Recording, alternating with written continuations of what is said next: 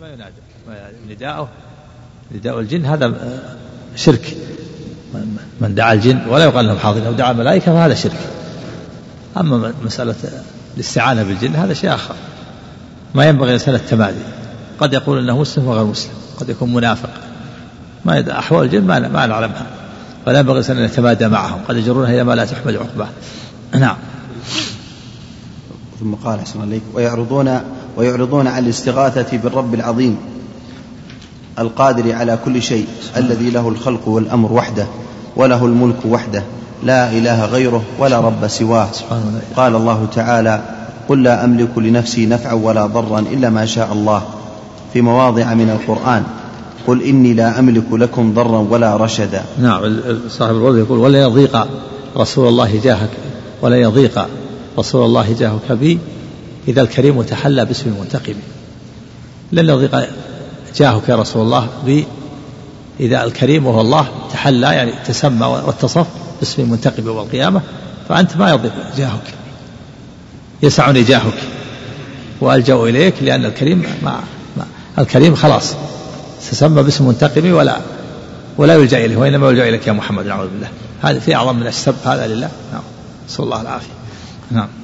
فأعرض هؤلاء عن القرآن واعتقدوا نقيض ما دلت عليه هذه الآيات المحكمات وتبعهم على ذلك الضلال وتبعهم على ذلك الضلال الخلق الكثير والجم الغفير فاعتقدوا الشرك بالله دينا والهدى ضلالا فإنا لله وإنا إليه راجعون فما أعظمها من مصيبة عمت بها البلوى فعاندوا أهل التوحيد وبدعوا أهل التجريد فالله المستعان. نعم. ثم قال فيه مسائل. الأولى أن عطف الدعاء على الاستغاثة من عطف العام على الخاص.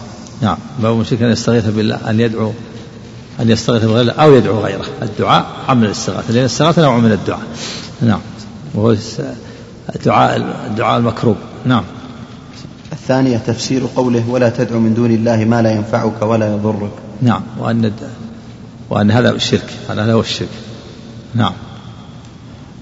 الثالثة أن هذا هو الشرك الأكبر. نعم. الرابعة أن أصلح الناس لو يفعله إرضاء لغيره صار من الظالمين. من قول فإن فعلت فإنك من الظالمين. هذا خطاب الظالمين ومراد المشركين. وهذا وإن كان خطاب للرسول إلا وهو معصوم من الشرك إلا أنه إلا أن المراد بيان عظم عظم الشرك. نعم. الخامسة تفسير الآية التي بعدها. ويقول فابتغوا عند الله الرزق. نعم. ما تقول ولا اللي بعدها ولا تدعوا من دون الله آه، وإن يمسسك الله بضر فلا كاشف له إلا هو. وإن يمسسك بخير فهو على كل شيء قدير. بيان أن أن الله تعالى بيده الضر والنفع. نعم. السادسة كون ذلك لا ينفع في الدنيا مع كونه كفرا. السابعة نعم. تفسير الآية الثالثة. قال فابتغوا عند الله الرزق. الثامنة إن طلب الرزق لا ينبغي إلا من الله كما نعم. أن الجنة لا تطلب إلا منه. فابتغوا عند الله الرزق هذا مفهوم من تقديم الظرف. ولم يقل فابتغوا الرزق عند الله. قال فابتغوا عند فابتغوا عند الله الرزق. قدم الظرف لفائدة الاختصاص. يعني خص الله بابتغاء الرزق وطلب الرزق. نعم. التاسعة تفسير الآية الرابعة. أما يجيب المضطر إذا دعاه. ها؟ ومن أضل من يدعو من دون الله من لا يستجيب له إلى يوم القيامة. وهم عن دعائهم غافلون. نعم. نعم. العاشرة أنه لا أضل ممن دعا غير الله. الحادية عشرة أنه غافل عن دعاء أنه غافل عن دعاء الداعي لا يدري عنه. وهم عن دعائهم غافلون. نعم. الثانية عشرة إن تلك الدعوة سبب لبغض المدعو الداعي وعداوته له. وكانوا بعبادتهم كافرين. نعم. الثالثة عشرة تسمية تلك الدعوة عبادة للمدعو. وكانوا بعبادتهم سماها عبادة نعم. الرابعة عشرة كفر المدعو بتلك العبادة. عبادتهم كافرين سماه كفرا نعم. الخامسة عشرة هي سبب كونه أضل أضل الناس. كانوا يدعو وكان أضل كونه يدعو من لا يستجيب له. كان من أضل الناس. لا ومن أضل يعني لا أحد أضل نعم. السادسة عشرة تفسير الآية الخامسة. أما يجيب المضطر إذا دعاه. نعم. السابعة عشرة الأمر العجيب وهو إقرار عبدة الأوثان أنه لا يجيب المضطر إلا الله ولأجل هذا يدعونه في الشدائد مخلصين له الدين. نعم. الثامنة عشرة حماية المصطفى. هذه من العجائب. يقرون أنه لا يجب المضطر إلى الله ومع ذلك يشركون معه في العبادة غيره. نعم. الثامنة عشرة حماية المصطفى صلى الله عليه وسلم حمى التوحيد والتأدب مع الله. من قوله إنه لا يستغاث به ولا يستغاث بالله. نعم السلام عليكم. الحديث مر في الباب السابق. قال وروى الطبراني بإسناده أنه كان في زمن النبي صلى الله عليه وسلم منافق يؤذي المؤمنين فقال بعضهم كونوا قوموا بنا نستغيث برسول الله صلى الله عليه وسلم من هذا المنافق. فقال النبي صلى الله عليه وسلم إنه لا يستغاث بي وإنما يستغاث بالله. أحسن عليك ذكر الهيثمي سند عندك؟ نعم أحسن عليك في مسند أحمد ذكره الهيثمي وقال أخرجه أحمد المسند. قال الإمام أحمد رحمه الله حدثنا موسى بن داود قال حدثنا ابن لهيعة عن الحارث بن يزيد عن علي بن عن علي بن رباح أن رجلا سمع عبادة بن الصامت يقول خرج علينا رسول الله صلى الله عليه وسلم فقال أبو بكر رضي الله عنه قوموا نستغيث برسول الله صلى الله عليه وسلم من هذا المنافق. فقال رسول الله صلى الله عليه وسلم لا يقام لي إنما يقام لله تبارك وتعالى. كذا؟ نعم. لا يقام لي إنما يقام لله تبارك وتعالى. وفيه ابن لهيعة. نعم.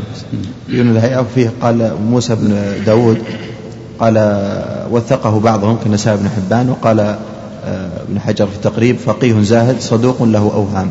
لكن الحديث الباب باب الاستغاثة.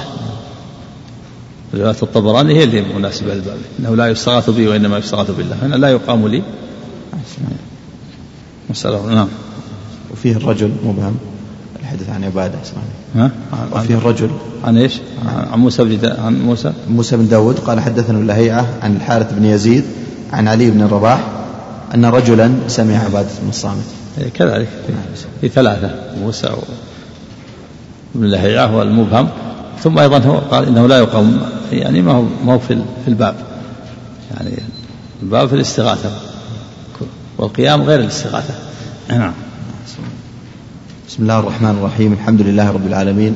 صلى الله وسلم وبارك على نبينا محمد وعلى آله وصحبه أجمعين. اللهم صل قال المصنف رحمه الله تعالى باب قول الله تعالى باب قول الله تعالى أيشركون ما لا يخلق ولا يشركون ما لا يخلق أي باب. أيشركون ما باب قول الله تعالى أيشركون ما لا أيشركون ما لا يخلق وهم يخلقون ولا يستطيعون لهم نصرا. ما لا يخلق شيئا وهم يخلقون. قال باب قول الله تعالى يشركون ما لا يخلق شيئا وهم يخلقون ولا يستطيعون لهم نصرا ولا أنفسهم ينصرون. وقوله تعالى والذين تدعون من دونه ما يملكون من قطمير إن تدعوهم لا يسمعوا دعاء دعاءكم ولو سمعوا ما استجابوا لكم ويوم القيامة يكفروا يكفرون بشرككم ولا ينبئك مثل خبير. وفي الصحيح عن أنس رضي الله عنه قال شج النبي صلى الله عليه وسلم يوم أحد وكسرت رباعيته فقال كيف يفلح قوم شجوا نبيهم؟ فنزلت ليس لك من الأمر شيء. وفيه عن ابن عمر رضي الله عنهما قال سمعت رسول الله صلى الله عليه وسلم إذا رفع رأسه من الركوع في الركعة الأخيرة من الفجر قال اللهم لعن فلانا وفلانا.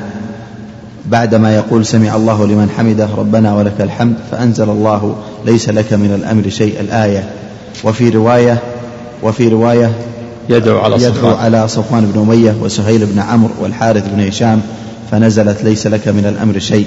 وعن وفيه وعنه وفيه عن أبي هريرة رضي الله عنه أن رسول الله صلى الله عليه وسلم قام أن رسول الله صلى الله عليه وسلم قام لما أنزلت وأنذر عشيرتك الأقربين فقال يا معشر قريش أو كلمة نحوها اشتروا أنفسكم لا أغني عنكم من الله شيئا. يا عباس بن عبد المطلب لا أغني عنك من الله شيئا. يا صفية بنت يا صفية عمة رسول الله لا أغني عنك من الله شيئا. يا فاطمة بنت محمد سليني من مال ما شئت لا أغني عنك من الله شيئا. بسم الله الرحمن الرحيم. الحمد لله رب العالمين. والصلاة والسلام على نبينا محمد وعلى آله وصحبه أجمعين.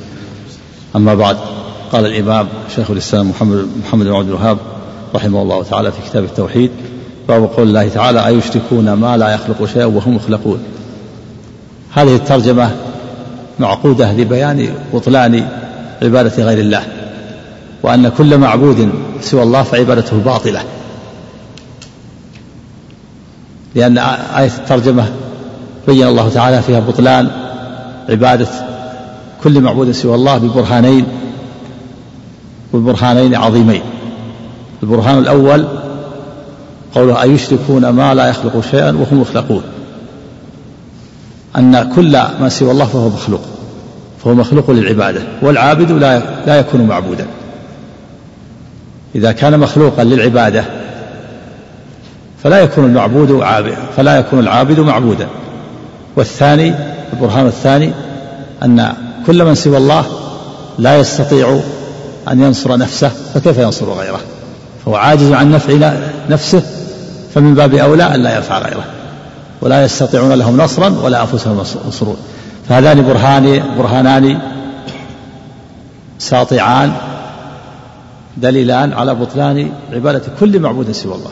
فمن عبد أي شخص أي شيء من دون الله فإنه ينطبق عليه هذا هذا الوصفين كل معبود سوى الله سواء كان ملكا أو أو نبيا أو شجرا أو حجرا أو أو جنيا أو غير ذلك.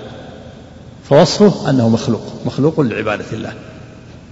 فلا يكون المعبود العابد معبودا. ووصفه أنه لا يستطيع نصر نفسه فلا ينصر غيره. فلا ينفع نفسه فلا ينفع غيره من باب أولى. فتبين بهذا بطلان عبادة كل معبود سوى الله. قول الله تعالى والذين تدعون من دونه ما يملكون من قطمير إن تدعوهم لا يسمعوا دعاءكم. ولو سمعوا ما استجابوا لكم ويوم القيامة يكفرون بشرككم ولا ينبئوك مثل الخبير والذين تدعونهم تدعون من دونه ما يملكون من قطمير إن تدعوهم لا يسمعوا دعاءكم ولو سمعوا ما استجابوا لكم. بين سبحانه وتعالى ثلاثة أوصاف منتفية عن كل معبود سوى الله. وهو أنه لا يملك ولا يسمع ولا يجيب. وإذا ومن كانت هذه وصفه فلا يصلح العبادة. وهو لا يملك لأن المعبود إنما يعبد لكونه مالكا أو وسامعا ومستجيبا. وقد نفيت هذه الأمور الثلاثة عن كل معبود سوى الله. والذين تدعون من دونه ما يملكون من قطمير ما يملكون شيئا ولا قطمير. والقطمير هو اللفافة والقشرة البيضاء التي تكون على نواة التمرة وهي أحقر شيء. وأضعف شيء. إذا كان لا يملك هذا القطمير لا يملك ولا قطمير إذا لماذا يعبد؟ العابد؟ إنما يعبد معبوده لكونه مالكا. لكونه مالكا لما يطلبه منه. والله تعالى نفى الملك عنه. إن تدعوهم لا يسمعوا دعاءكم. نفى عنهم سماع الدعاء. هم لا يسمعون لأنهم ما بين ميت مشغول بنفسه. قد بلت عظامه وصارت ترابا وما بين غائب لا يسمع. فهو لا فهو لا يسمع. إن تدعوهم لا يسمعوا دعاءكم والأمر الثالث ولو سمعوا ما استجابوا لهم. لو سمعوا على الفرض والتقدير لو حرف امتناع الامتناع. لو سمعوا على الفرض والتقدير ما استجابوا. وليس لهم قدرة على على الإجابة. على الاستجابة استجابة إجابة الطلب وتلبية الطلب. وإذا كان هذه الأوصاف كلها موجودة في كل معبود سوى الله فإنه يتبين بطلان كل معبود سوى الله كل معبود سوى الله فعبادته باطلة. كما قال سبحانه وتعالى ذلك بأن الله هو الحق وأن ما يدعون من دونه هو الباطل وأن الله هو العلي والذين تدعون من دونه ما يملكون من قدم إن تدعوهم لا يسمعوا دعاءكم ولو سمعوا ما استجابوا لكم ويوم القيامة يكفرون بشرككم. يوم القيامة يعادونكم وينكرون عبادتكم لهم إذا كانوا صالحين من الأنبياء وغيرهم. فهم ينكرون العبادة ويكفرون بشركهم. سماه الله شركا. تبين بهذا أن دعاء غير الله وأن من دعا غير الله فقد أشرك بنص القرآن. ويوم القيامة يكفرون بشرككم. سماه الله شركا. يعني ينكرون عبادتكم.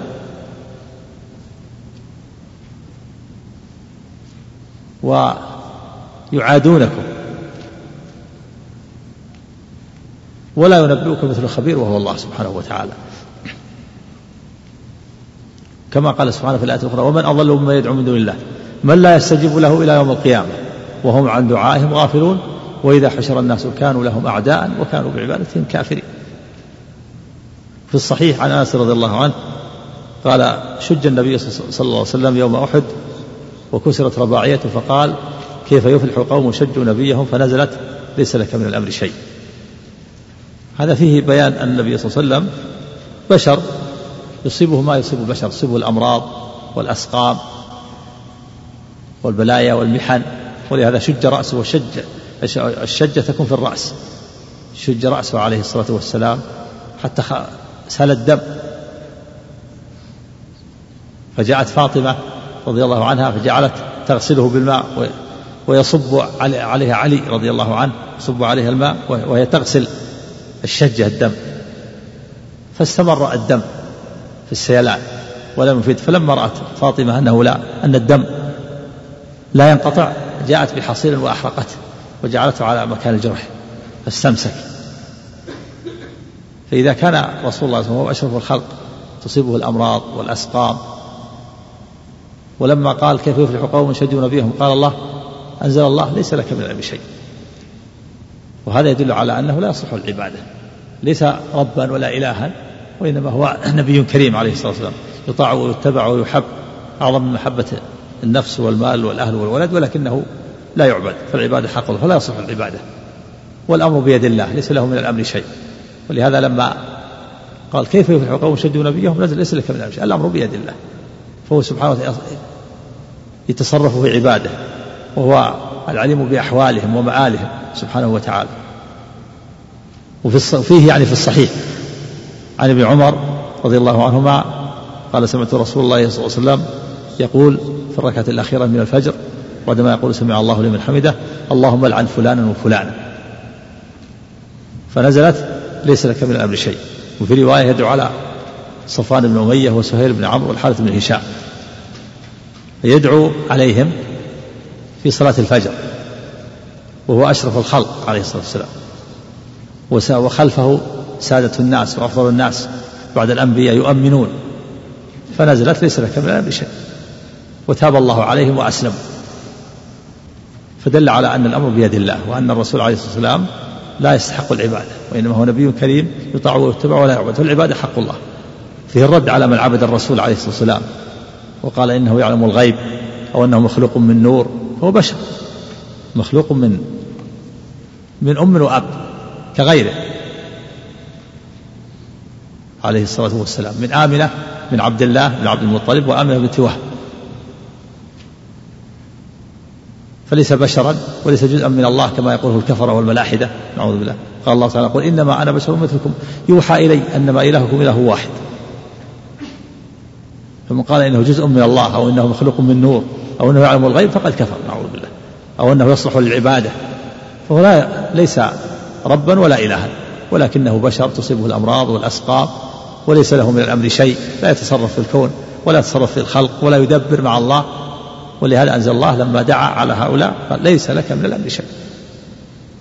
فتبين بهذا بطلان عبادة كل معبود سوى إذا كان هذا أشرف الخلق يقال هذا ليس لك من الأمر شيء تصيبه الأمراض والأسقام ويدعو على هؤلاء الذين آذوه واشتد أذاهم وينزل الله ليس لك من الأمر شيء ويتوب الله عليهم دل على أنه لا لا يصلح العبادة وليس ربا ولا إلها وليس له من التدبير شيء إنما الأمر بيد الله سبحانه وتعالى وغيره من باب أولى إذا كان أشرف الخلق فغيره ممن هو دونه بمراتب أولى وأولى.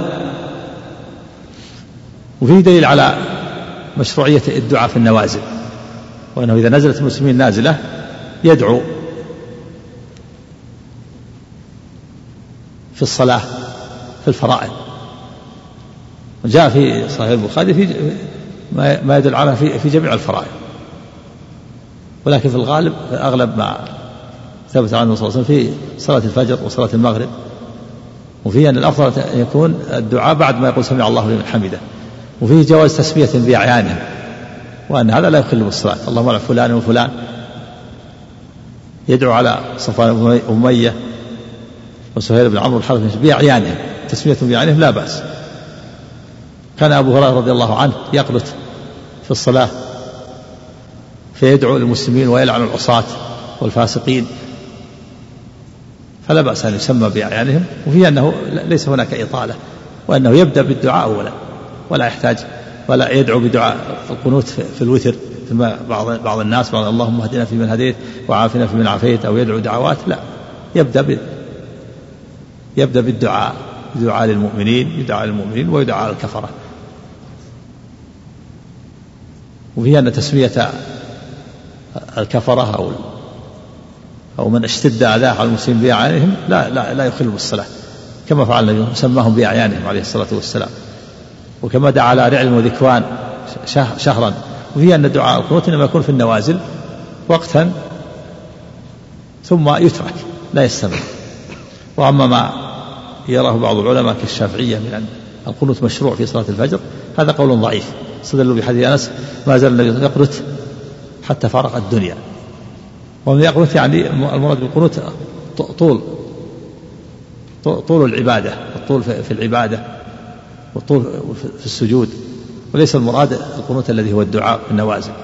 الذي هو الدعاء في صلاة الفجر.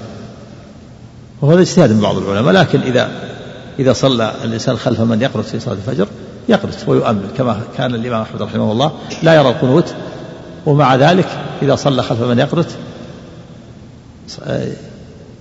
يؤمن على دعائه. محافظة على الجماعة والائتلاف و درعا لمفسدة الفرقة والاختلاف. وفيه عن أبي هريرة يعني في الصحيح عن أبي هريرة رضي الله عنه قال لما نزلت قول الله تعالى واذن عشيرتك الأقربين قام عليه الصلاة والسلام فعم وخص وقال يا معشر قريش أو كلمة نحوها. فيه أن النبي بلغ رسالة ربه وامتثل أمر ربه. يا معشر قريش اشتروا أنفسكم لا أغني عنكم من الله شيئا. فعم وخص عم قريشا جميعا. هم قبائل كثيرة. اشتروا أنفسكم يعني اشتروا أنفسكم من النار. بتوحيد الله والإيمان برسوله وإخلاص العبادة له والحذر من الشرك ترك الشرك وعبادة الأصنام والأوثان. اشتروا أنفسكم. اشتروا أنفسكم من النار بطاعة الله عز وجل وتوحيد الله وترك الكفر والشرك والتوحيد. اشتروا أنفسكم. لا أغني عنكم من الله شيئا. بين عليه الصلاة والسلام أنه لا يغني ولا لا يدفع عن أحد عذاب الله. مات على الشرك فإن النبي صلى الله عليه وسلم لا يغني عنه من الله شيء ولا يدفع الشرك عنه ولا يدفع النار عنه ولا يستطيع منعه. ولهذا قال اشتروا أنفسكم لا أغني عنكم من الله شيئا. عم. ثم خص وقال يا عباس بن عبد المطلب لا أغني عنك من الله شيئا. يعني عليك أن تعمل بتوحيد الله وطاعته. ولا تقل إنك عم نبي الله. فإني لا أغني عنك من الله شيئا. يا صفية عمة رسول الله لا أغني عنك من الله شيئا. يعني اشتري نفسك من النار. ولا تقولي أنا عمة رسول الله. ثم قال يا فاطمة بنت محمد سليني من مالي ما شئت. لا أغني عنك من الله شيئا. يعني الدنيا اطلبي ما تريدين وأعطيك لكن الإنقاذ من النار ما أستطيع. إنقاذك من النار يشتري أنفسك من النار. لا أغني عنك من الله شيئا. وفي دليل على أن النبي صلى الله عليه وسلم إنما يسأل ما يستطيعه من أمور الدنيا. أما ما لا يستطيعه من النجاة من النار وإدخال الجنة ومغفرة الذنوب وتفريج الكروب هذا لا يقدر عليه إلا الله فلا يسأل إلا الله. ما يسأل النبي صلى الله عليه وسلم شيئا من ذلك. إنما يسأل ما يستطيعه وهو أمور الدنيا أمور الدنيا التي يستطيعها ولهذا قال لابنته ويا أقرب الناس إليه وأحب الناس إليه سليني من مالي ما شئت. لا أغني عنك من الله شيئا. أما الدنيا سليني أعطيك لكن الإنقاذ من النار؟ لا أستطيع. ولهذا قال لا أغني عنك من الله شيئا فأنقذي نفسك من النار بتوحيد الله وعبادته وإخلاص الدين له والحذر من الشرك. وهذا يدل على أنه عليه الصلاة والسلام لا يستحق العبادة لأنه لا قال لا أغني عنكم من الله شيئا. والذي لا يغني والذي لا يغني عن أحد شيئا لا يستحق العبادة. دل على أنه عليه الصلاة والسلام نبي كريم عبد ورسول يطاع ويتبع ولا يعبد ولا يستطيع دفع النار عن أحد ولا إنقاذ أحد من النار ممن مات على الشرك ولا إدخال أحد أحد من, من أهل النار الجنة ولا يستطيع أن يفرج الكروبات. إنما هذا من خصائص الله. فتبين بهذا بطلان عبادة كل معبود سوى الله سواء كان نبيا أو ملكا أو أو حجرا أو شجرا أو بنية أو جنيا أو غير ذلك. فالعبادة حق الله. سم. سمع دعاء حتى تزول النازلة؟ نعم. دعاء القنوت. نعم. مشروع في النوازل. حتى تزول النازلة نعم. لا لا. وقت من وقت وقت من وقت لأنه دعا على العلم والإخوان شهرا ثم ترك. يعني يدعو وقت ما يستمر على حسب الاجتهاد. نعم. نعم. قبل الركوع؟ جاء في حديث أنس أنه دعا قبل الركوع لكن هذا قليل. الأكثر من فعله صلى الله عليه وسلم أنه قبل قبل الركوع بعد الركوع. ويحتمل أنه كانت قبل الركوع المراد يعني الطول يعني اطاله القيام. نعم. نعم. والله يحتاج إلى تأمل هذا يحتاج. والشيخ محمد يفتي بهذا يحتاج المسألة إلى تأمل. نعم.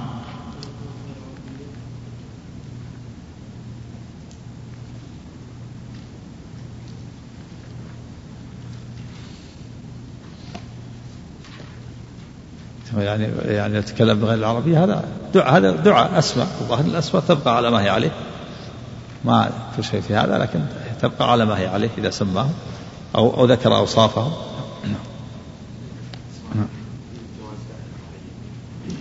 نعم. يتجاوز على المعين إذا اشتد أذاه إذا اشتد أذاه للمسلمين وإلا الصواب أنه لا يلعن المعين بعينه. في خلاف بين أهل العلم هل يلعن المعين الكافر أو الفاسق على قول لأهل العلم. منهم من أجازه ومنهم من منعه والصواب المنع. إلا إذا اشتد استثنى من هذا إذا كان فيه تحذير تحذير من بدعته وشركه إذا كان مبتدع يحذر منه ولا سم بعينه. تحذيرا للأحياء أو اشتد أذاه. مثل هؤلاء من اشتد أذاهم يسمون بأعيانهم. نعم. وإلا فالأصل ألا يعين. الحديث لا تسبوا الأموات فإنهم أفضوا إلى ما قدموا لكن يستثنى من اشتد أذاه نعم.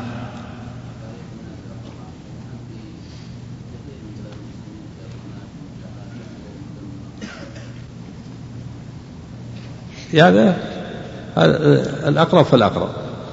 ينبغي أن يدعو المسلمون اللي نزلت في المنازل أولى من غيرهم. يبدأ في الأقرب فالأقرب. نعم. نعم. نعم. من؟ اللي يقول يعني لا شك. اللي يقول إن الرسول خلق من نور أكفر. خلق من نطفة من ماء أبيه وأمه عليه الصلاة والسلام كغيره من البشر. من قال هو عليه الصلاة نور هو نور بما أوحى الله إليه من الرسالة. لكن من يقول إن الرسول نور غير من يقول إن محمد خلق من نور. من قال خلق من نور هذا هذا كافر. ولكن من يقول محمد نور؟ نعم هو نور نور معنوي. ولهذا لما كان كان يصلي في بيت عائشة في في الليل وكانت تمد رجلها فكان إذا سجد غمزها فكفت رجلها. قالت والبيوت يومئذ ليس فيها مصابيح.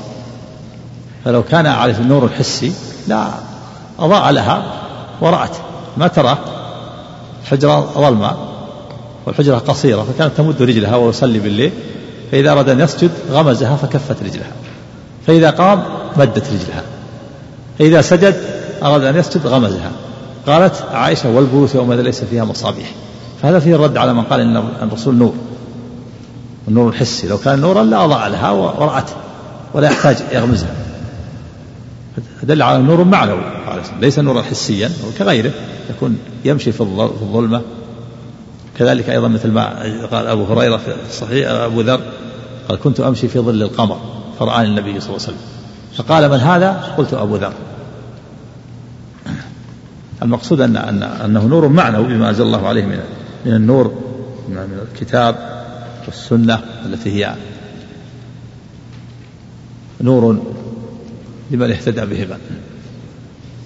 أما الحسي فإنه يكون في في المكان المظلم. نعم. ولا ولا ولا يضاء نعم. بسم الله الرحمن الرحيم.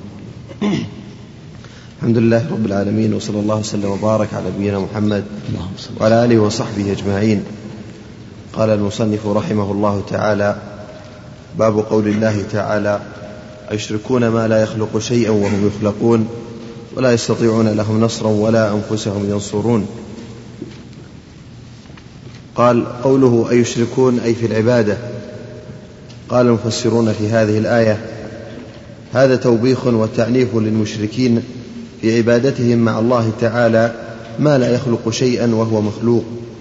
والمخلوق لا يكون شريكا للخالق في العبادة التي خلقهم لها. وبين أنهم لا يستطيعون لهم نصرا. ولا أنفسهم ينصرون فكيف يشركون به من لا يستطيع نصر عابديه ولا نصر نفسه؟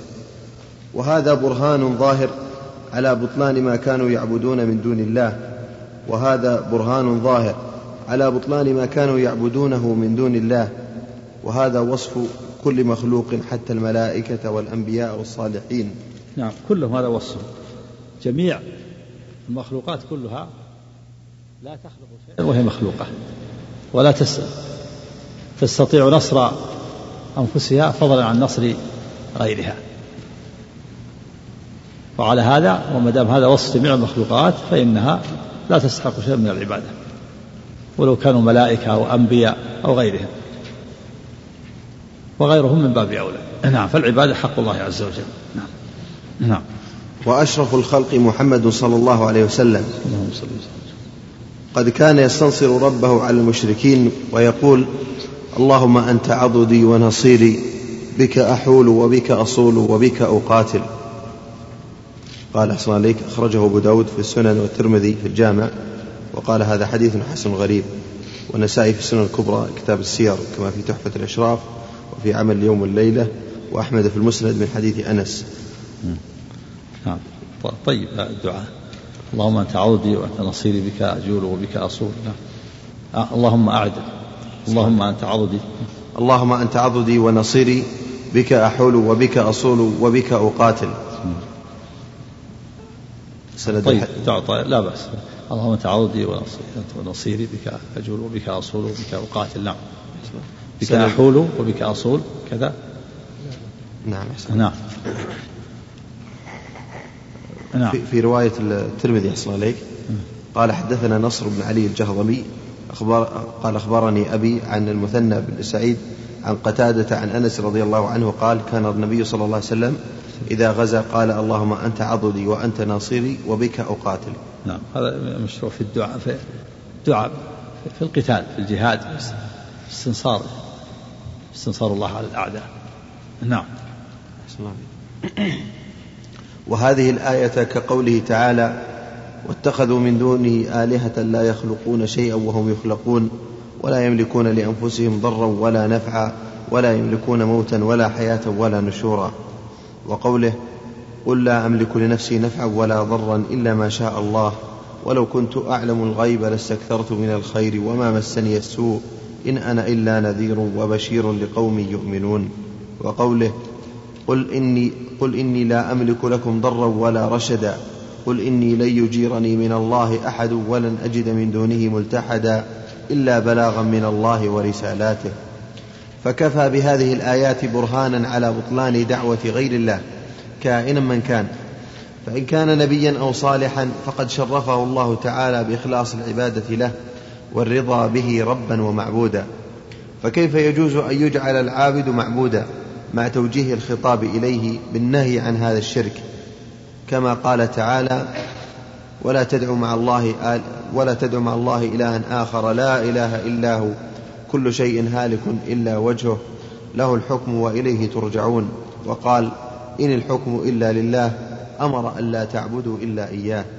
فقد أمر عباده من الأنبياء والصالحين وغيرهم بإخلاص العبادة له وحده. الأنبياء والصالحين وغيرهم نعم.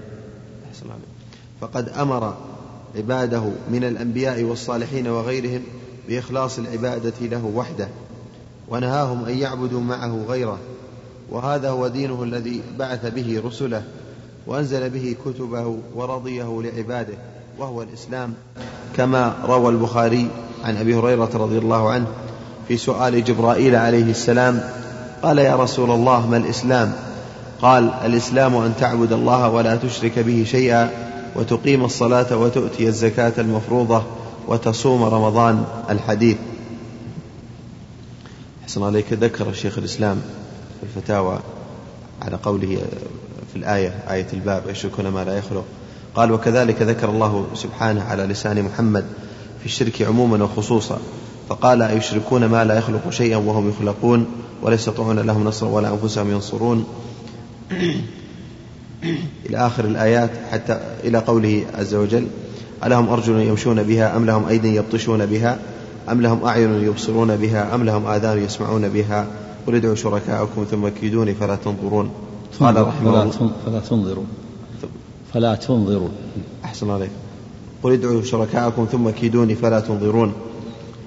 قال رحمه الله واستف واستفهم استفهام إنكار وجحود لطرق الإدراك التام. وهو السمع والبصر والعمل التام وهو اليد والرجل والرجل كما أنه سبحانه لما أخبر فيما روى عنه رسوله عن أحبابه المتقربين إليه بالنوافل فقال ولا يزال عبدي يتقرب إلي بالنوافل حتى أحبه فإذا أحببته كنت سمعه الذي يسمع به وبصره الذي يبصر به ويده التي يبطش بها ورجله التي يمشي بها. انتهى الكلام.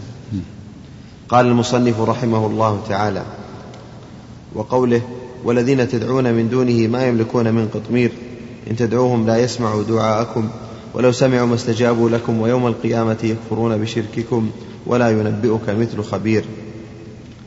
يخبر تعالى عن حال المدعوين من دونه من الملائكة والأنبياء والأصنام وغيرها بما يدل على عجزهم وضعفهم وأنهم قد انتفت عنهم الأسباب التي تكون في المدعو وهي الملك وسماع الدعاء والقدرة على استجابته. فمتى فمتى توجد هذه الشروط تامة؟ بطلت دعوته. إيش؟ فمتى؟ فمتى نعم نعم فمتى لم توجد هذه الشروط تامة؟ بطلت دعوته. بطلت. بطلت دعوته. فكيف إذا عدمت بالكلية؟ نعم. فنفى عنهم الملك بقوله ما يملكون من قطمير. قال ابن عباس ومجاهد وعكرمة وعطاء والحسن وقتادة القطمير اللفافة التي تكون على نواة التمر. كما قال تعالى ويعبدون من دون الله ما لا يملك لهم رزقا من السماوات والأرض شيئا ولا يستطيعون. وقال قل ادعوا الذين زعمتم من دون الله لا يملكون مثقال ذرة في السماوات ولا في الأرض وما لهم فيهما من شرك وما له منهم من ظهير ولا تنفع الشفاعة عنده إلا لمن أذن له. ونفى عنهم سماع الدعاء بقوله إن تدعوهم لا يسمعوا دعاءكم لأنهم ما بين ميت وغائب عنهم مشتغل بما خلق له مسخر بما أمر به كالملائكة. ثم قال ولو سمعوا ما استجابوا لكم لأن ذلك ليس وهذا الأمر الثالث نفى عنهم الملك والسماع والاستجابة. والذين ما يملكون إن تدعوهم لا يسمعوا دعاء. ولو سمعوا ما استجابوا وإذا كانوا لا يملكون ولا يسمعون ولا يستجيبون فما الذي يطلبه عابدهم منهم؟ ما كيف كيف يعبدون؟ وهم لا لا يملكون ولا يسمعون ولا يستجيبون. نعم. ثم قال ولو سمعوا ما استجابوا لكم لأن ذلك ليس إليهم. فإن الله تعالى لم يأذن لأحد من عباده في دعاء أحد منهم لا استقلالا ولا واسطة كما تقدم بعض أدلة ذلك. وقوله ويوم القيامة يكفرون بشرككم فتبين بهذا أن دعوة غير الله شرك. نعم لأن الله سماه شرك يكفرون بشرككم. نعم. قال فقي رحمه الله. وتبين أنهم كانوا يدعون عبادا صالحين يتبرؤون من الشرك الذي هو دعاء دعاء غير الله ويتبرؤون من أولئك المشركين الزاعمين حب أولئك الصالحين وأنهم محبوبون إليه محسوبون عليهم. وقال تعالى واتخذوا من دون الله آلهة ليكونوا لهم عزا كلا سيكفرون بعبادتهم ويكونون عليهم ضدا. وقوله ويوم القيامة, ويوم القيامة يكفرون بشرككم. قال ابن كثير رحمه الله يتبرؤون منكم كما قال تعالى ومن أضل ممن يدعو من دون الله من لا يستجيب له إلى يوم القيامة وهم عن دعائهم غافلون. وإذا حشر الناس كانوا لهم أعداء وكانوا بعبادتهم كافرين. قال وقوله ولا ينبئك مثل خبير أي ولا يخبرك بعواقب الأمور ومآلها وما تصير إليه مثل خبير بها. قال قتادة يعني نفسه تبارك وتعالى فإنه أخبر بالواقع لا محالة. قلت والمشركون لم يسلموا للعليم الخبير ما أخبر به عن معبوداتهم فقالوا تملك وتسمع وتستجيب وتشفع لمن دعاها. عليك قال فقي. يعني قالوا ذلك بلسان حالهم لأنهم أصروا على دعائهم والاستغاثة والاستغاثة والاستغاثة بهم على أنهم لم يكون إيش؟ قال يعني قالوا ذلك بلسان حالهم. لا بلسان الحال و... بلسان الحال وبلسان المقال. هم صحيح ويعبد قال الله تعالى ويعبدون من الله ما لا يضرهم ولا ينفعهم ويقولون هؤلاء يشفعون عند الله. يقول تسمع. تنقل حوائجنا إلى الله. تقربنا إلى الله. ما نعبدهم إلا ليقربونا إلى الله زلفى بلسان الحال وبلسان المقال. الشيخ حامد فقي رحمه الله له تعليقات جيدة وله تعليقات مرجوحة. له تعليقات وله بعض الأوهام والأخطاء كغيره. ما يؤخذ مع تعليقاته على علاتها نعم. نكمل التعليق. قال لأنهم أصروا على دعائهم والاستغاثة بهم بعد أن وبخهم الله بأن الذي يستغاث به ويدعى ينبغي أن يكون سميعا بصيرا بيده الخير. والذي يدل على أنهم لم يكونوا يقول ذلك بصريح القول ما حكى الله من جواب قوم إبراهيم وأبيه لما سألهم هل يسمعونكم إذ تدعون أو ينفعونكم أو يضرون؟ فإنهم أعرضوا عن الجواب الصريح عن السؤال وقالوا بل وجدنا آباءنا كذلك يفعلون. فجوابهم هذا حيدة عن الجواب المطابق للسؤال. لا هذا في قوم إبراهيم لكن في مشرك العرب قال الله عنهم ويعبدون من دون الله ما لا يضرهم ولا ينفعهم ويقولون هؤلاء يشفعون عند الله. وقال عنهم في الآية الأخرى ما نعبدهم إلا ليقربونا إلى الله زلفى. يعتقدون أنها تقربهم وأنها تسمع وتشفع. ولما عبدوا العزى كانوا يسمعون الصوت كانت الشياطين تخاطبهم. فيظنون أنها تسمع. وتقضي بعض الحوائج يسمع منها الصوت تخاطبهم. نعم. نعم. قلت والمشركون لم يسلموا للعليم الخبير ما أخبر به عن معبوداتهم فقالوا تملك وتسمع وتستجيب وتشفع لمن دعاها ولم يلتفتوا إلى ما أخبر به الخبير. إيش قلت؟ إيه قلت إيش؟ أحسن عليك. قلت والمشركون لم يسلموا للعليم الخبير ما أخبر به عن معبوداتهم. فقالوا تملك وتسمع وتستجيب تملك وتسمع. هذا يرد على كلام فقيه. قالوا تملك وتسمع. هذا يدل على الشيخ فقيه رحمه الله ما تنبه لهذا. قالوا تملك وتسمع. إذا قالوا بلسان المقال مو بلسان الحال. قالوا تملك وتسمع. نص. وهو يقول إنها لا تسمع. إنما قالوا هذا بلسان الحال نعم. نعم. نعم. فقالوا تملك وتسمع وتستجيب وتشفع لمن دعاها. نعم. ولم يلتفتوا إلى ما أخبر به الخبير من أن كل معبود يعادي عابده يوم القيامة ويتبرأ منه كما قال تعالى ويوم نحشرهم جميعا ثم نقول للذين أشركوا مكانكم أنتم وشركاؤكم فزيلنا بينهم وقال شركاؤهم ما كنتم إيانا تعبدون فكفى بالله شهيدا بيننا وبينكم إن كنا عن عبادتكم لغافلين. هنالك تبلو كل نفس ما أسلفت وردوا إلى الله مولاهم الحق وضل عنهم ما كانوا يفترون. أخرج ابن جرير عن, أبي ج... عن ابن جريج قال قال مجاهد إن كنا عن عبادتكم لغافلين قال يقول ذلك كل شيء كان يعبد من دون الله. فالكيس يستقبل هذه الآيات التي هي الحجة والنور والبرهان بالإيمان والقبول والعمل فيجرد أعماله لله وحده دون كل ما سواه ممن لا يملك لنفسه نفعا ولا دفعا فضلا عن غيره. قال المصنف رحمه الله تعالى وفي الصحيح عن أنس رضي الله عنه قال شج النبي صلى الله عليه وسلم يوم أحد فقال كيف يفلح قوم شج شجوا نبيهم؟ فنزلت ليس لك من الأمر شيء. قال قوله في الصحيح أي في الصحيحين. علقه البخاري عن حميد وعن ثابت عن أنس وصله أحمد والترمذي والنسائي عن حميد عن أنس به ووصله مسلم عن ثابت عن أنس. وقال ابن إسحاق في المغازي حدثني حميد الطويل عن أنس قال كسرت رباعية النبي صلى الله عليه وسلم يوم أحد. رباعي. أحسن عليك. قال كسرت رباعية النبي صلى الله عليه وسلم يوم أحد وشج وجهه فجعل الدم يسيل على وجهه وجعل يمسح الدم ويقول وهو يقول كيف يفلح قوم خضبوا وجه نبي خضبوا وجه نبيهم وهو يدعوهم إلى ربهم فأنزل الله الآية وشج وجهه فجعل الدم يسيل على وجهه وجعل يمسح الدم ويقول وهو يقول كيف يفلح قوم خضبوا وجه نبي خضبوا وجه نبيهم وهو يدعوهم إلى ربهم فأنزل الله الآية. قوله شج النبي صلى الله عليه وسلم. قال أبو السعادات الشج قمص رباعية ضبطها في وجه بالضم رباعية. نعم. قوله شج النبي صلى الله عليه وسلم. قال أبو السعادات الشج في الرأس خاصة. الشج في الرأس خاصة خاصة في الأصل وهو أن يضربه بشيء فيجرحه فيه ويشقه. نعم ثم شجة إلا إذا كانت في الرأس. إن كانت في الوجه أو في اليد ما تسمى شجة تسمى جرح. نعم. ثم استعمل في غيره من الأعضاء. نعم. قصد إيش؟ الأصل. قال من؟ قال أبو السعادات قال أبو السعادات الشج في الرأس خاصة في الأصل وهو أن يضربه بشيء فيجرحه فيه ويشقه.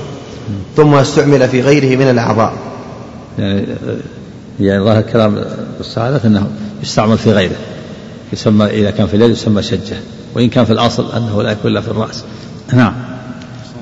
والرباعية كثمانية السن التي بين بين الثنية والناب إيه، بس ما ضبطه. ثمانية. ها؟ ثمانية. إيش؟ الرباع كثمانية؟ والرباعية كثمانية إذا إذا الفتح رباعية ما في رباعية. شج شوف الشج الشجة شجة الأثير يرى أن في الأصل الشجة في الرأس ثم تستعمل في غيره. نعم من العظم نعم. وذكر ابن هشام من حديث أبي سعيد الخدري رضي الله عنه أن عتبة بن أبي وقاص هو الذي كسر رباعية النبي صلى الله عليه وسلم السفلى. ها؟ عن إيش؟ وذكر ابن هشام. الرباعية هي السن اللي بين بين الثنية وبين الناب نعم. وذكر ابن هشام من حديث أبي سعيد الخدري أن عتبة بن أبي وقاص هو الذي كسر رباعية النبي صلى الله عليه وسلم السفلى وجرح شفتة السفلى.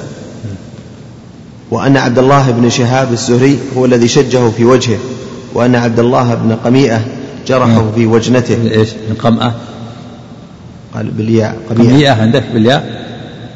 قميئة. ياء بعد همزة ياء بعد همزة. إيه، قميئة. نعم نعم. ها بدون ياء. قمعة. قال في أخرج أثر أحسن عليك. إيه. الفقيه قال في الطبراني من حديث أبي, أمامة. قال رمى عبد الله بن قمئة دون الياء. هذا المعنى قمعة. وقمعة عبد الله بن قمعة. شج رأسه يشج ويشج كسرا. بس. ورجل أشج بين الشجج في جبينه أثر الشجة. إيه. بس. ما قال تستعمل في غيره. شوف قمعة. قمعة في القاموس يمكن يمكن ما يجي في قمعة عبد الله بن قمعة. نعم. قال في الطبراني من حديث ابي أمامة قال رمى عبد الله بن قمعة رسول الله صلى الله عليه وسلم يوم أحد فشج وجهه. وكسرت وكسرت رباعيته فقال خذها وأنا ابن أبي وأنا ابن خذها وأنا ابن قمعه فقال رسول الله صلى الله عليه وسلم وهو يمسح الدم عن وجهه ما لك أقمأك الله؟ فسلط الله عليه تيس جبل فلم يزل ينطحه حتى قطعه قطعة قطعة. صلى الله عليه هذا الحاشية ذا؟ نعم ذكر الفقه إيه. ويحتمل قمأة وقمية يمكن فيها الوجهان قمأة. عبد الله بن قمأة. وعمرو بن قميئة في سفينة شاعر. وعبد الله ما ذكر عبد الله عمرو بن قميئة. بس. هذا كذا قميع نعم. ها؟ إيه. ها؟ عندك إيش؟ عندك الشهادة العليا. عليه قال العليا في نسخة وهي تحريف. تحريف؟ هذا محتمل محتمل إنه فيها الوجهان قميئة وقمة. نعم. وأن عبد الله نعم. بن شهاب الزهري. إيش؟ قمأة قمأة قمأة نعم. نعم. وأن عبد الله بن شهاب الزهري هو الذي شجه في وجهه. وأن عبد الله بن قميئة وابن قمة جرح جرحه في وجنته فدخلت حلقتان من حلق المغفر في وجنته. وأن مالك بن سنان رضي الله عنه مص الدم من وجهه من وجه رسول الله صلى الله عليه وسلم وازدرده فقال له لن تمسك النار. هذا يحتاج إلى ثبوت. الأصل أنه أنه يلفظه. إن غير ثبت يكون هذا من خصائص النبي صلى الله عليه وسلم. هذا خاص به. وإلا الدم ما يشرب نجس. لكن لو صح يكون هذا من خصائص النبي وهذا في دليل على النبي صلى الله عليه وسلم بشر يصيبه ما يصيب البشر وأنه ليس ربا ولا إلها يعبد. تصيبه جرحت شج وجهه وجرحت وجنتاه وكسرت رباعيته وسقط في حفرة وصاح الشيطان إن محمدا قد قتل. فهذه المصائب تصيب الأنبياء كغيرهم من البشر ليعلم الناس أنهم بشر وأنهم ليسوا آلهة يعبدون وإنما بشر يصيب ما يصيب البشر تحصل عليهم المصائب والأمراض والنكبات. كثبت أن النبي أصابته الحمى. وأنه قال عبد الله بن مسعود يا رسول الله إنك لتوعك وعكا شديدا. قال أجل إني يوعك كما يوعك رجلان منكم. قلت أذلك أن لك أجرين؟ قال كذا ذلك كذلك. ثبت هذا في صحيح البخاري. هذا يدل على أن الأنبياء تصيبهم الأمراض والمصائب ليعظم الله أجورهم وليرفع درجاتهم. ولتقتل بهم الأمة وليعلم الناس أنهم بشر ليسوا آلهة يعبدون من دون الله. نعم. قال وازدرده في لسان العرب أي مصه ثم ابتلعه نعم. قال طيب. في عليه تعليق؟ ازدراد دم؟ ما عليه حسن. نعم. ها؟ إيه. نعم ال- الأصل هو الأصل عدم. عدم ازدراده. مصة المهم المصة ويلفظ هذا هو الأصل. لكن لو ثبت لو ثبت يكون هذا من خصائص النبي صلى الله عليه وسلم. نعم. هو الذي قال له النبي صلى الله عليه وسلم مجها ها؟ هو الذي قال له مجها عليك قال هو إيش؟ مجها لما مص الدم. مجهة أي نعم. أو مجه ما ما وين ثبت هذا؟ الآن يقول ازدرده هذا. يقول يقول ازدرده يعني ابتلع يعني. ورفض الصحابي نعم ها؟ أنه رفض الصحابي يحتاج إلى ثبوت يحتاج إلى ثبوت هذا. نعم. ها؟ إيش فيه؟ إن- إنه إيش؟ عبد الله بايش؟ إيه. على كل حال يحتاج نعم. قال القرطبي والرباعية بفتح الراء وتخفيف الياء وهي كل سن بعد ثنية. نعم. قال النووي والإنسان أربع رباعيات. نعم اثنان في من السنة الأمامية واثنان من السنة الخلفية. أربع رباعيات. كل سن بعد ثنية. نعم. قال الإنسان الحافظ- أو الثنايا أربع. وهم الأسنان الكبيرة من الأمام. الأمام من الخلف. نعم. قال الحافظ والمراد أنها كسرت فذهب منها فلقة ولم ولم تقلع من أصلها. قال النووي وفي هذا وقوع الأسقام والابتلاء بالأنبياء صلوات الله وسلامه عليهم. لينالوا جزيل الأجر والثواب ولتعرف أممهم ما أصابهم وي وي ويتأسوا بهم. قال القاضي وليعلم أنهم من وليعلم أنهم من البشر. تصيبهم محن الدنيا ويطرأ على أجسامهم ما يطرأ على أجسام البشر. ليتيقن أنهم مخلوقون مربوبون ولا يفتتن بما ظهر على أيديهم من المعجز من المعجزات. ويلبس الشيطان من أمره ما لبسه على النصارى وغيرهم. انتهى. وي- ويأتسوا نعم يصح يأتسوا ويتأسوا نعم. نعم. قلت يعني من الغلو والعبادة. قوله يوم أحد هو جبل معروف كانت عنده الوقعة المشهورة فأضيفت إليه. قوله كيف يفلح نعم. قوم؟ جبل معروف كبير في شمال المدينة نعم. قوله كيف يفلح قوم شجوا نبيهم زاد مسلم وكسروا رباعيته وأدموا وجهه. قوله فأنزل الله ليس لك من الأمر شيء. قال ابن عطية كأن النبي صلى الله عليه وسلم لحقه في تلك الحال يأس من فلاح كفار قريش فقيل له بسبب ذلك ليس لك من الأمر شيء. أي عواقب الأمور بيد الله. فامض أنت لشأنك ودم على الدعاء لربك. وقال ابن إسحاق ليس لك من الأمر شيء في عبادي إلا ما أمرتك به فيهم. قال المصنف رحمه الله تعالى وفيه عن ابن عمر بركة. بسم الله الرحمن الرحيم. الحمد لله رب العالمين. صلى الله وسلم وبارك على نبينا محمد اللهم صل وعلى آله وصحبه أجمعين. اللهم صل قال الشيخ عبد الرحمن بن حسن رحمه الله تعالى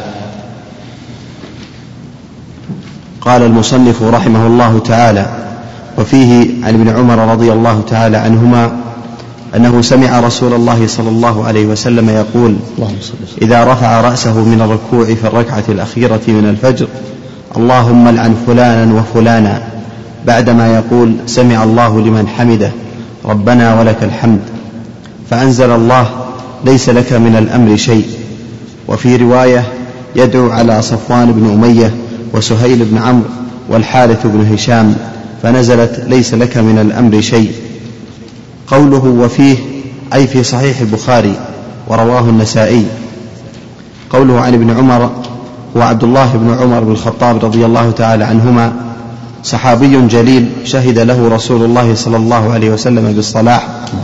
مات سنة ثلاث وسبعين في آخرها أو أول التي تليها. قوله أنه سمع رسول الله صلى الله عليه وسلم. هذا القنوت على هؤلاء بعدما شج وكسرت رباعيته يوم أحد. قوله اللهم لعن فلانا وفلانا. قال أبو السعادات أصل اللعن الطرد والإبعاد من الله. ومن الخلق السب والدعاء. وتقدم كلام شيخ الإسلام. اسمع عليك قال آه، في موضع سابق ما معناه؟ معروف اللعن. اللعن. يلعن ما يستحق اللعنة. نعم اللعن. في بالنسبة للمعين في خلاف. من العلماء من أجازه ومنهم من منعه صواب المنع. أنه لا يلعن المعين كما نهى النبي صلى الله عليه وسلم عن شارب الخمر. إلا من اشتد أذاه اشتد أذاه المسلمين فلا بأس. نعم. نعم.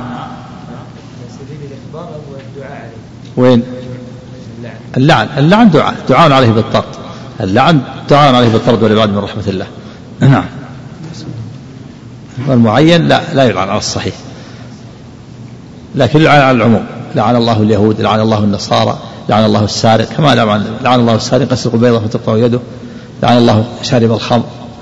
أما فلان ابن فلان ما يلعن ولهذا لما أتي برجل شرب الخمر أمر النبي صلى الله عليه وسلم بجلده فجلد. فقال رجل من القوم ما أخزى أخزاه الله لعنه الله ما أكثر ما يؤتى به. فقال النبي صلى الله عليه وسلم لا تلعنه إنه يحب الله ورسوله.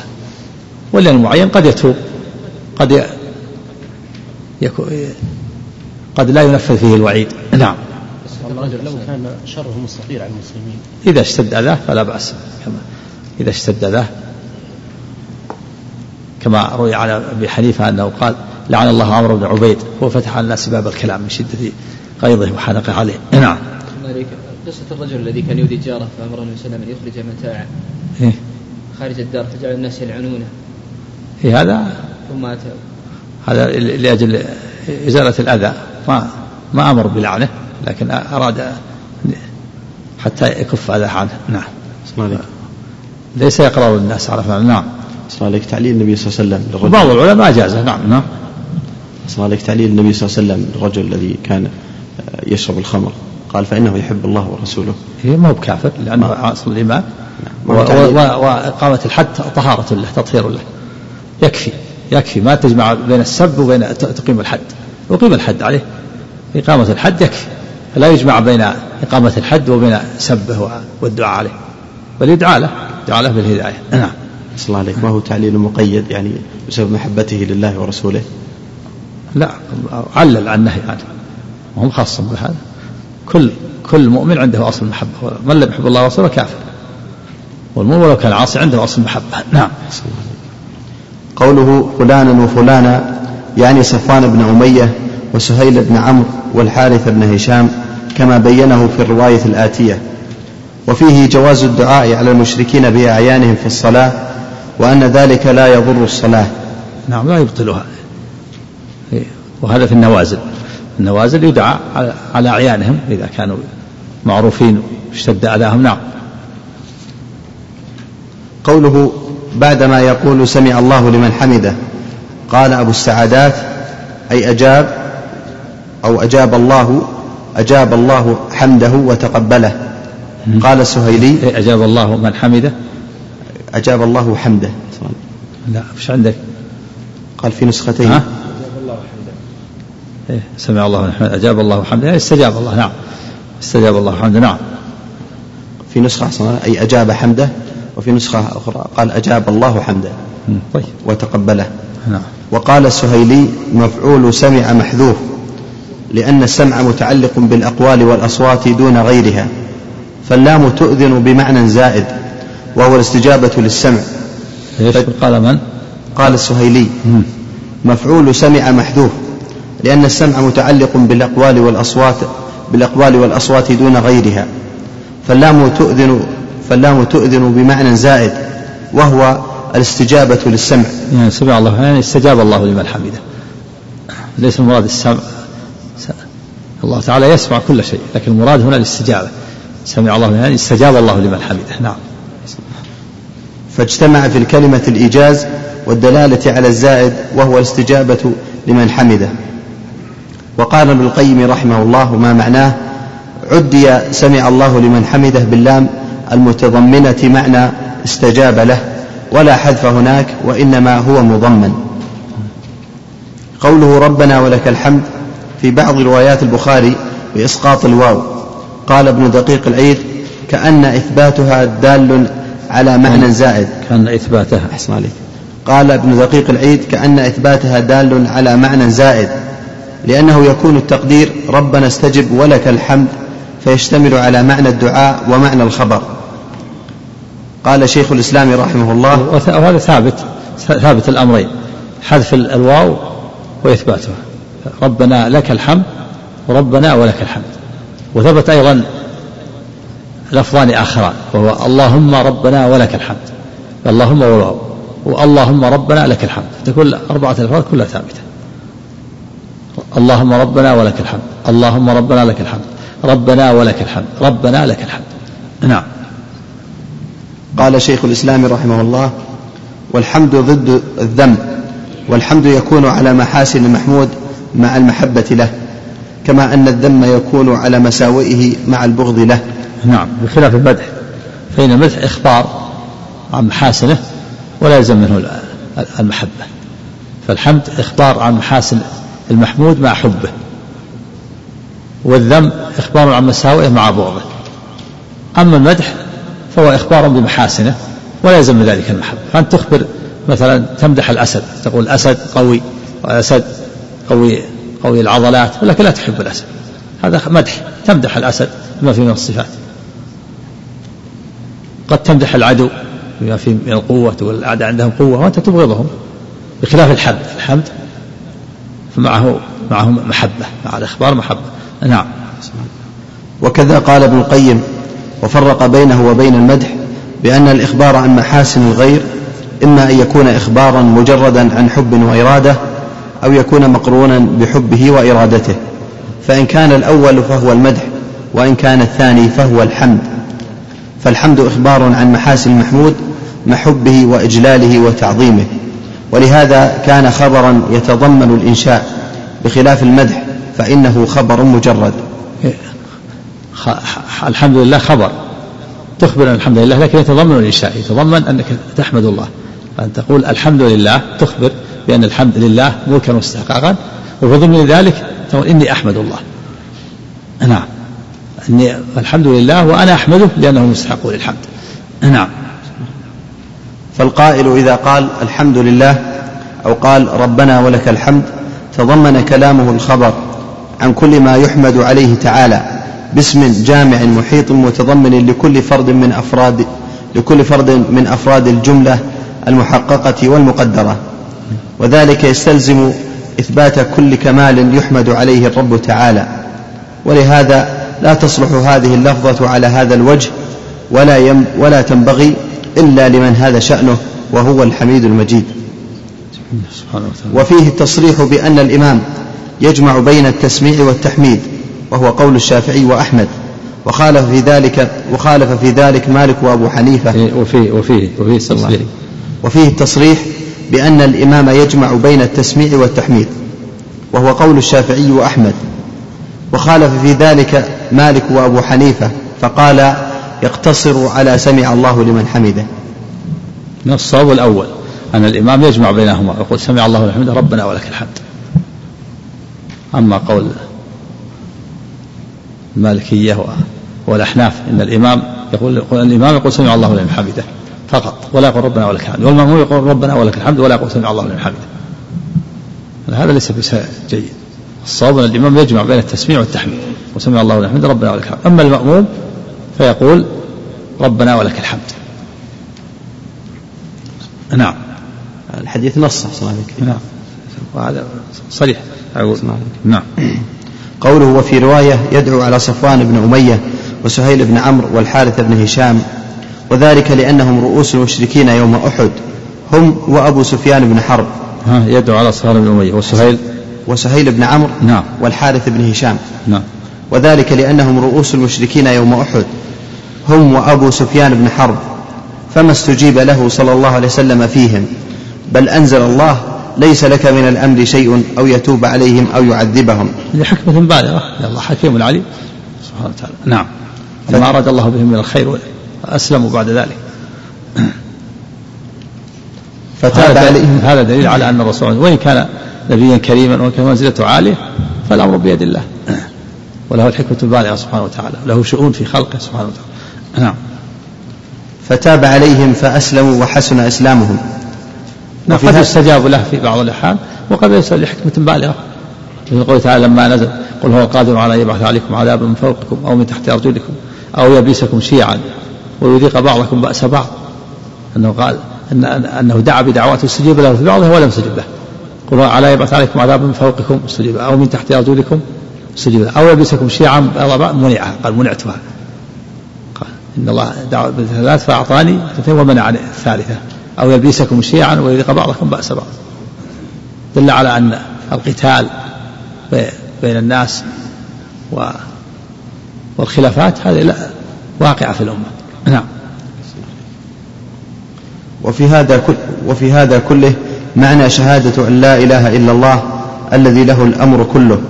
يهدي من يشاء بفضله ورحمته ويضل من يشاء بعدله وحكمته فهو المستحق أن يعبد وحده. سبحانه لا إله إلا هو نعم.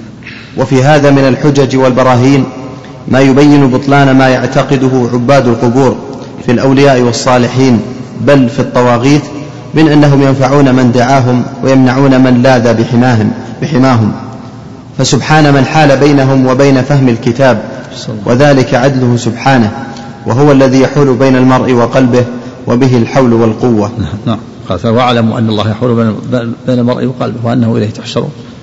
إذا كان النبي صلى الله عليه وسلم هو أشرف الخلق وأفضل, وأفضل الناس يقول ليس لك من الأمر شيء ولا يستجاب له في هذا الدعاء فكيف يتعلق هؤلاء عباد الأصنام بالصالحين أو بالأشجار والأحجار وبالملائكة يطلبون الشفاعة ويسألون تفريج الكربات وإجابة الدعوات. نسأل الله السلامة والعافية. نعم. قال المصنف رحمه الله تعالى وفيه عن أبي هريرة رضي الله عنه قال قام رسول الله صلى الله عليه وسلم حين أنزل الله عليه وأنذر عشيرتك الأقربين. قال يا معشر قريش أو كلمة نحوها اشتروا أنفسكم لا أغني عنكم من الله شيئا. يا عباس بن عبد المطلب لا أغني عنك من الله شيئا. يا صفية عمة رسول الله لا أغني عنك من الله شيئا. يا فاطمة بنت محمد سليني من مال ما شئت لا أغني عنك من الله شيئا. قوله وفيه أي صحيح البخاري. قوله عن أبي هريرة اختلف في اسمه وصحح نووي أن اسمه عبد الرحمن بن صخر كما رواه الحاكم في المستدرك.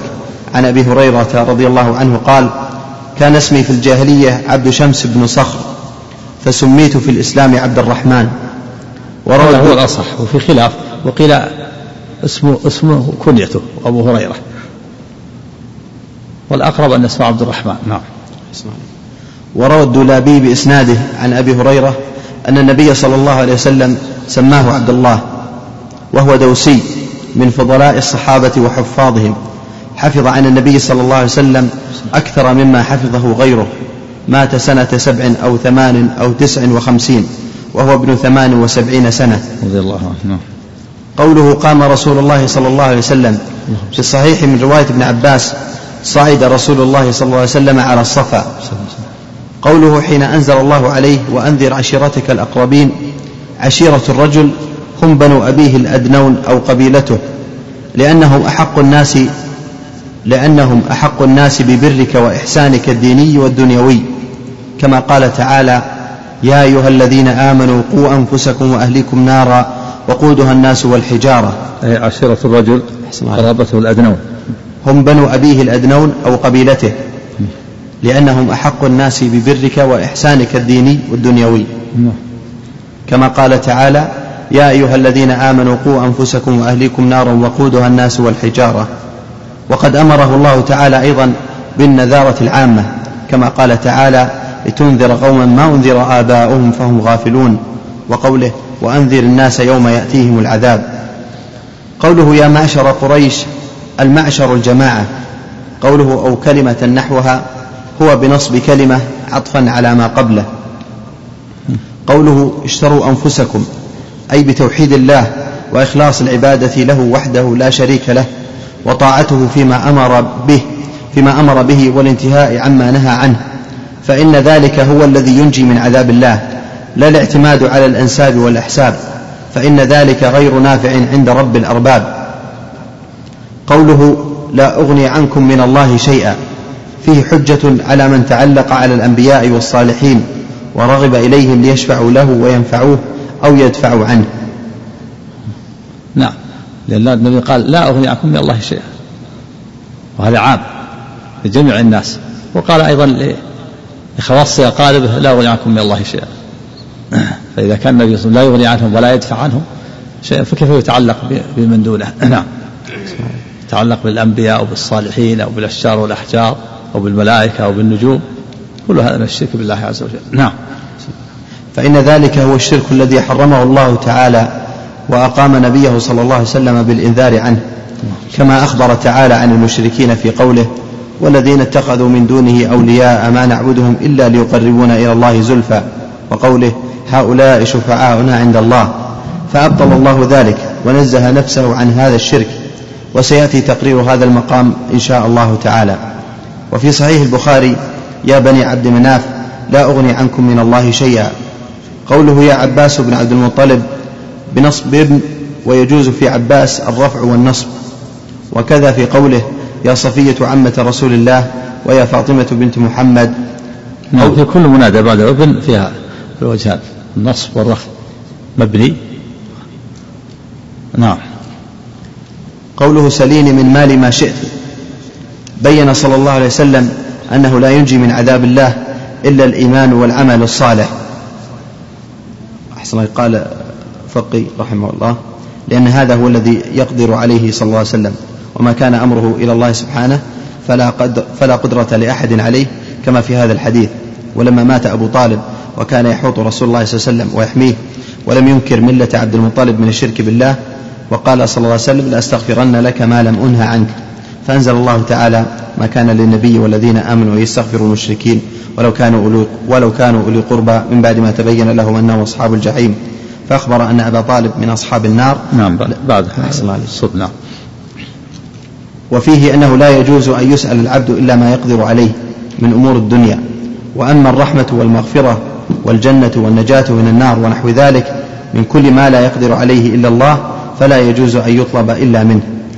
فإن ما عند الله لا ينال إلا بتجريد التوحيد والإخلاص له بما شرعه ورضيه بما شرعه ورضيه لعباده أن يتقربوا إليه به. في إلا فإن ما عند الله أحسن عليك. لا ينال. فإن ما عند الله لا ينال إلا بتجريد التوحيد والإخلاص له بما شرعه ورضيه لعباده أن يتقربوا إليه به. نعم. فإذا كان لا ينفع ابنته وعمه وعمته وقرابته إلا ذلك فغيرهم أولى وأحرى وفي قصة عمه أبي طالب معتبر.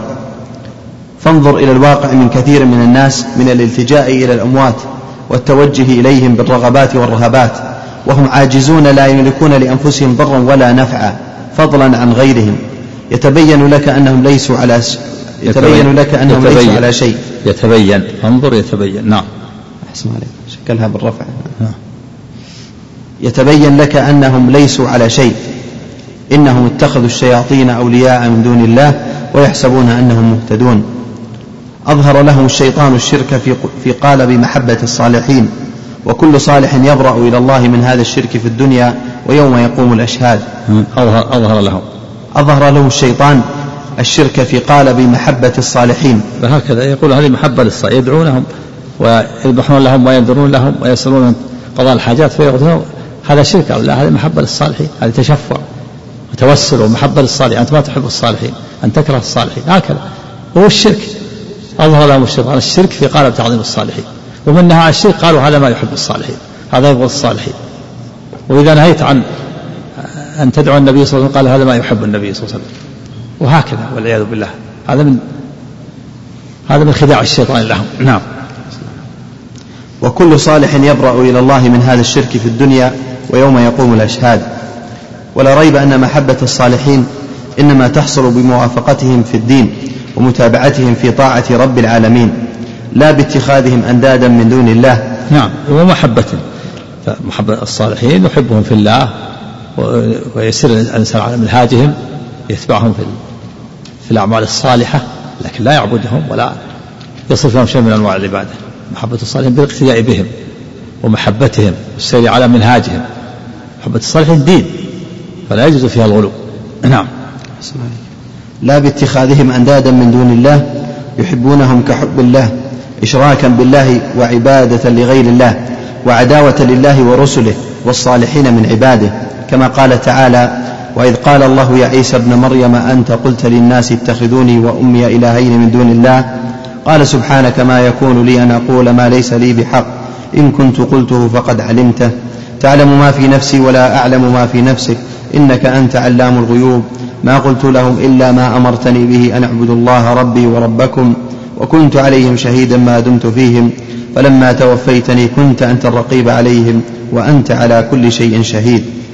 قال العلامة ابن القيم رحمه الله في هذه الآية بعد كلام سبق ثم نفى أن يكون قال لهم غير ما أمر به وهو محض التوحيد. فقال ما قلت لهم إلا ما أمرتني به أن أعبدوا الله ربي وربكم.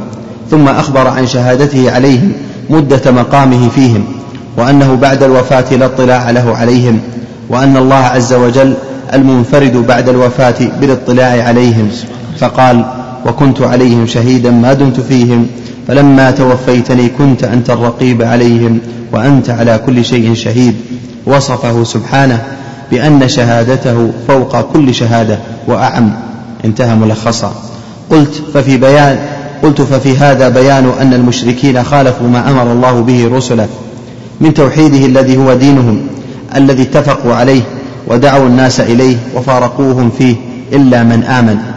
فكيف يقال لمن دان بدينهم وأطاعهم فيما أمروا به من إخلاص العبادة لله وحده؟ إنه قد تنقصهم بهذا التوحيد الذي أطاع به ربه. كيف يقال؟ أحسن عليك. فكيف يقال لمن دان بدينهم؟ وأطاعهم فيما أمروا به من إخلاص العبادة لله وحده. من على الأنبياء نعم. أنه قد تنقصهم بهذا التوحيد الذي أطاع به ربه واتبع فيه رسله عليهم الصلاة والسلام. ونزه به ربه عن الشرك الذي هو هضم للربوبية وتنقص للإلهية وسوء ظن برب العالمين. والمشركون هم أعداء الرسل وخصماؤهم في الدنيا والآخرة. وقد شرعوا لأتباعهم أن يتبرأوا من كل مشرك ويكفروا به ويبغضوه ويعادوه في ربهم ومعبودهم. قل فلله الحجة قل فلله الحجة البالغة فلو شاء لهداكم أجمعين. أحسن عليك. قال فيه مسائل. الأولى تفسير الآيتين. نعم. الثانية قصة أحد. الثالثة وما وما فيها من شج النبي صلى الله عليه وسلم ونزول الآية ليس أمر شيء. نعم. الثالثة قنوت سيد المرسلين وخ... قنوت سيد المرسلين صلى الله عليه وسلم وخلفه سادات الأولياء يؤمنون في الصلاة. الرابعة مع ذلك لم يستجب له وأنزل ليس ليس كمن أمر شيء. نعم. ودل على أن الأمر بيد الله وأن الرسول لا يستحق العبادة. والعبادة حق الله. نعم. الرابعة أن المدعو عليهم كفار. نعم. ومع ذلك نهي عن الدعاء. لأن الله له الحكمة البالغة. نعم. الخامسة أنهم فعلوا أشياء ما فعلها غالب الكفار. منها شجهم نبيهم وحرصهم على قتله ومنها التمثيل بالقتلى مع أنهم بنو عمهم. نعم. السادسة أنزل الله عليه في ذلك ليس لك من الأمر شيء. السابعة قوله أو يتوب عليهم أو يعذبهم فتاب عليهم فآمنوا. نعم. الثامنة القنوت في النوازل. يعني مشروعية القنوت في النوازل. نعم. التاسعة تسمية المدعو عليهم في الصلاة بأسمائهم وأسماء آبائهم. نعم وأن هذا لا يؤثر في الصلاة. نعم. العاشرة لعن المعين في القنوت. الحادية عشرة. لأن هذا اشتد أذاهم للمسلمين؟ لعنهم اللهم على فلان وفلان في القنوت لا بأس. هذا باللعن المعين إذا اشتد أذاه نعم. الحادية عشرة لما أنزل عليه وأنذر عشيرتك الأقربين. نعم. قصته صلى الله عليه وسلم لما أنزل عليه وأنذر عشيرتك الأقربين. نعم. وأنه وأنه أخبر عليه الصلاة أنه لا يملك لأحد شيئا. دل على أنه لا يستحق العبادة. غيرهم باب أولى. نعم. الثانية عشرة جده صلى الله عليه وسلم بحيث فعل ما نسب بسببه إلى الجنون وكذلك لو يفعله مسلم الآن. نعم. حرصه على الدعوة وتبليغ الرسالة عليه الصلاة والسلام. حتى قالوا إنه مجنون. نعم. وكان يعرض نفسه على القبائل قبل الهجرة. نعم.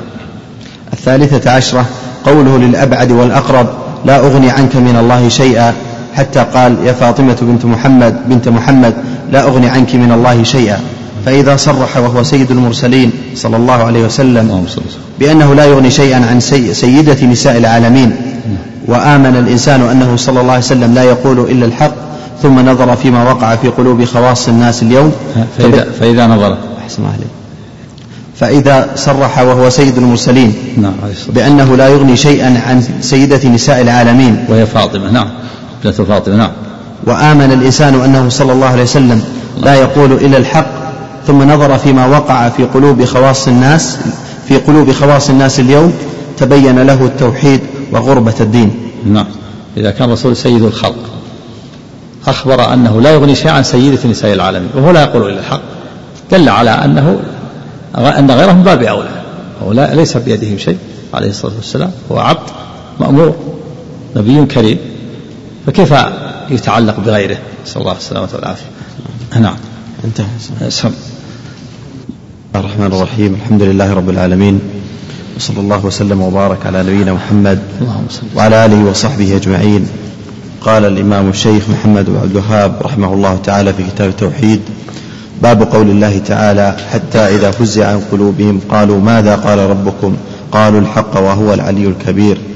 وفي الصحيح عن أبي هريرة رضي الله عنه عن النبي صلى الله عليه وسلم قال إذا قضى الله الأمر في السماء أخذت إذا قضى الله الأمر في السماء ضربت الملائكة بأجنحتها خضعانا لقوله كأنه سلسلة على صفوان ينفذهم ذلك.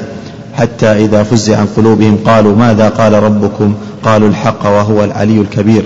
فيسمعها, فيسمعها مسترق السمع. ومسترق السمع هكذا بعضه فوق بعض. وصفه سفيان وصفه سفيان بكفه. فحرفها وبدد بين أصابعه. فيسمعها فيسمع الكلمة. ثم يلقيها إلى من تحته. ثم يلقيها الآخر إلى من تحته. حتى يلقيها على لسان الساحر أو الكاهن. فربما أدركه الشهاب. فربما أدركه الشهاب قبل أن يلقي فربما أدركه الشهاب قبل أن يلقيها وربما ألقاها قبل أن يدركه. قال فيكذب معها مئة كذب فيكذب معها مئة كذبة. مئة كذبة. أحسن عليك. فيكذب معها مئة كذبة. فيقول الناس أليس قد قال لنا يوم كذا وكذا كذا وكذا؟ أليس قد قال لنا؟ أحسن قال أليس قد قال لنا؟ فيقولون أليس قد قال لنا يوم كذا وكذا كذا وكذا؟ فيصدق بتلك الكلمة التي سمعت من السماء. وعن النواس بن سمعان رضي الله عنه قال قال رسول الله صلى الله عليه وسلم إذا أراد الله أن يوحي بالأمر تكلم ب... إذا أراد الله تعالى أن يوحي بالأمر تكلم بالوحي. فتأخذ أخذت السماوات منه رجفة. أخذت السماوات منه رجفة أو قال رعدة شديدة. رعدة. خوف. أو قال رعدة شديدة. نعم. أحسن عليك. أو قال رعدة شديدة خوفا من الله عز وجل. فإذا سمع ذلك أهل السماء فإذا سمع ذلك أهل السماء صعقوا وخروا لله سجدا. فيكون أول من فيكون أول من يرفع رأسه جبريل. فيقو فيكون أول من يرفع رأسه نعم. فيكون أول من يرفع رأسه جبريل. فيوحي الله فيوحي الله من أمره ما يشاء. ثم يمر جبريل على على الملائكة. كلما مر بسماء سأله ملائكتها ماذا قال ربنا يا جبريل؟ قال فيقول جبريل قال الحق وهو العلي الكبير. فيقولون كلهم مثل ما قال جبريل. ثم ينتهي جبريل بالوحي إلى حيث أمره الله عز وجل. الرحمن الرحيم الحمد لله رب العالمين والصلاة والسلام على نبينا محمد وعلى آله وصحبه أجمعين. أما بعد قال المؤلف الشيخ الإمام محمد بن عبد الوهاب رحمه الله تعالى في كتاب التوحيد باب قول الله تعالى حتى إذا فزع عن قلوبهم قالوا ماذا قال ربكم؟ قالوا الحق وهو العلي الكبير. فزع عن قلوبهم يعني زال الفزع والخوف. وهذه الترجمة قصد بها المؤلف رحمه الله إبطال عبادة الملائكة وكل معبود سوى الله وأن العبادة بالحق هي عبادة الله وحده. وذلك أن الملائكة إذا كانوا يصعقون وتصيبهم الغشية والفزع والخوف مع عظمتهم وعظم خلقتهم دل على أنهم لا يصلحون العبادة.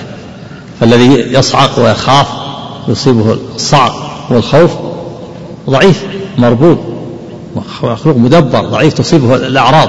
لا يصلح العبادة. وإذا كانت الملائكة تصلح العبادة مع عظم خلقتهم فغيرهم من باب أولى. فتبين بهذا بطلان عبادة كل معبود سوى الله وأن العبادة بالحق هي هي عبادة الله وحده. الله هو المستحق للعبادة وحده. وغيره من وغيره لا يستحق العبادة.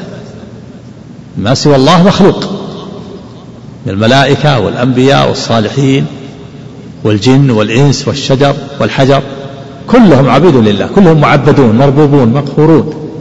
قال سبحانه إن كل من في السماوات والأرض إلا آتي الرحمن عبدا. يعني معبد. العبودية لها تأتي بمعنى التعبيد.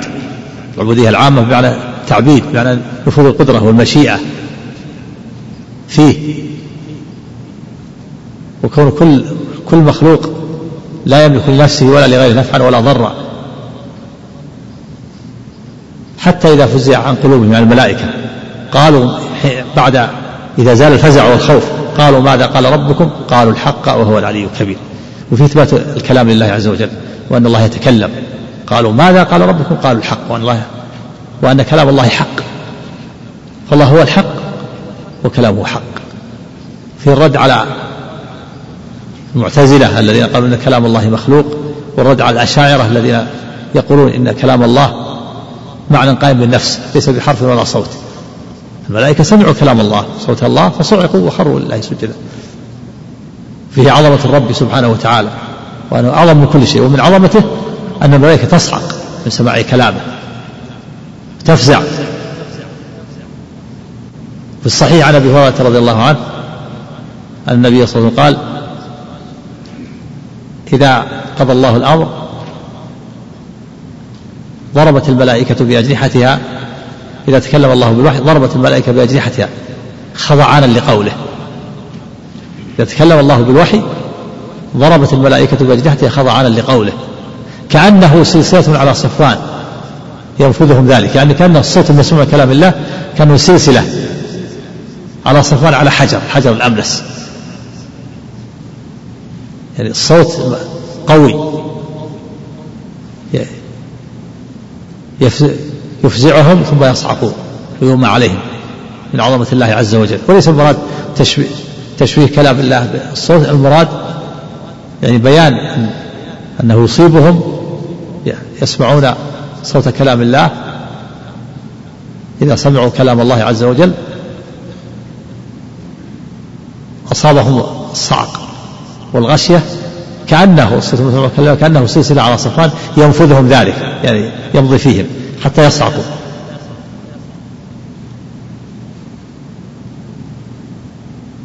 فهم يصعقون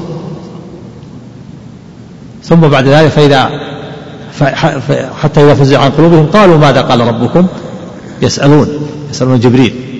فيقول جبريل قال الحق. فيقول كلهم مثل ما قال جبريل. قال الحق وهو العلي الكبير.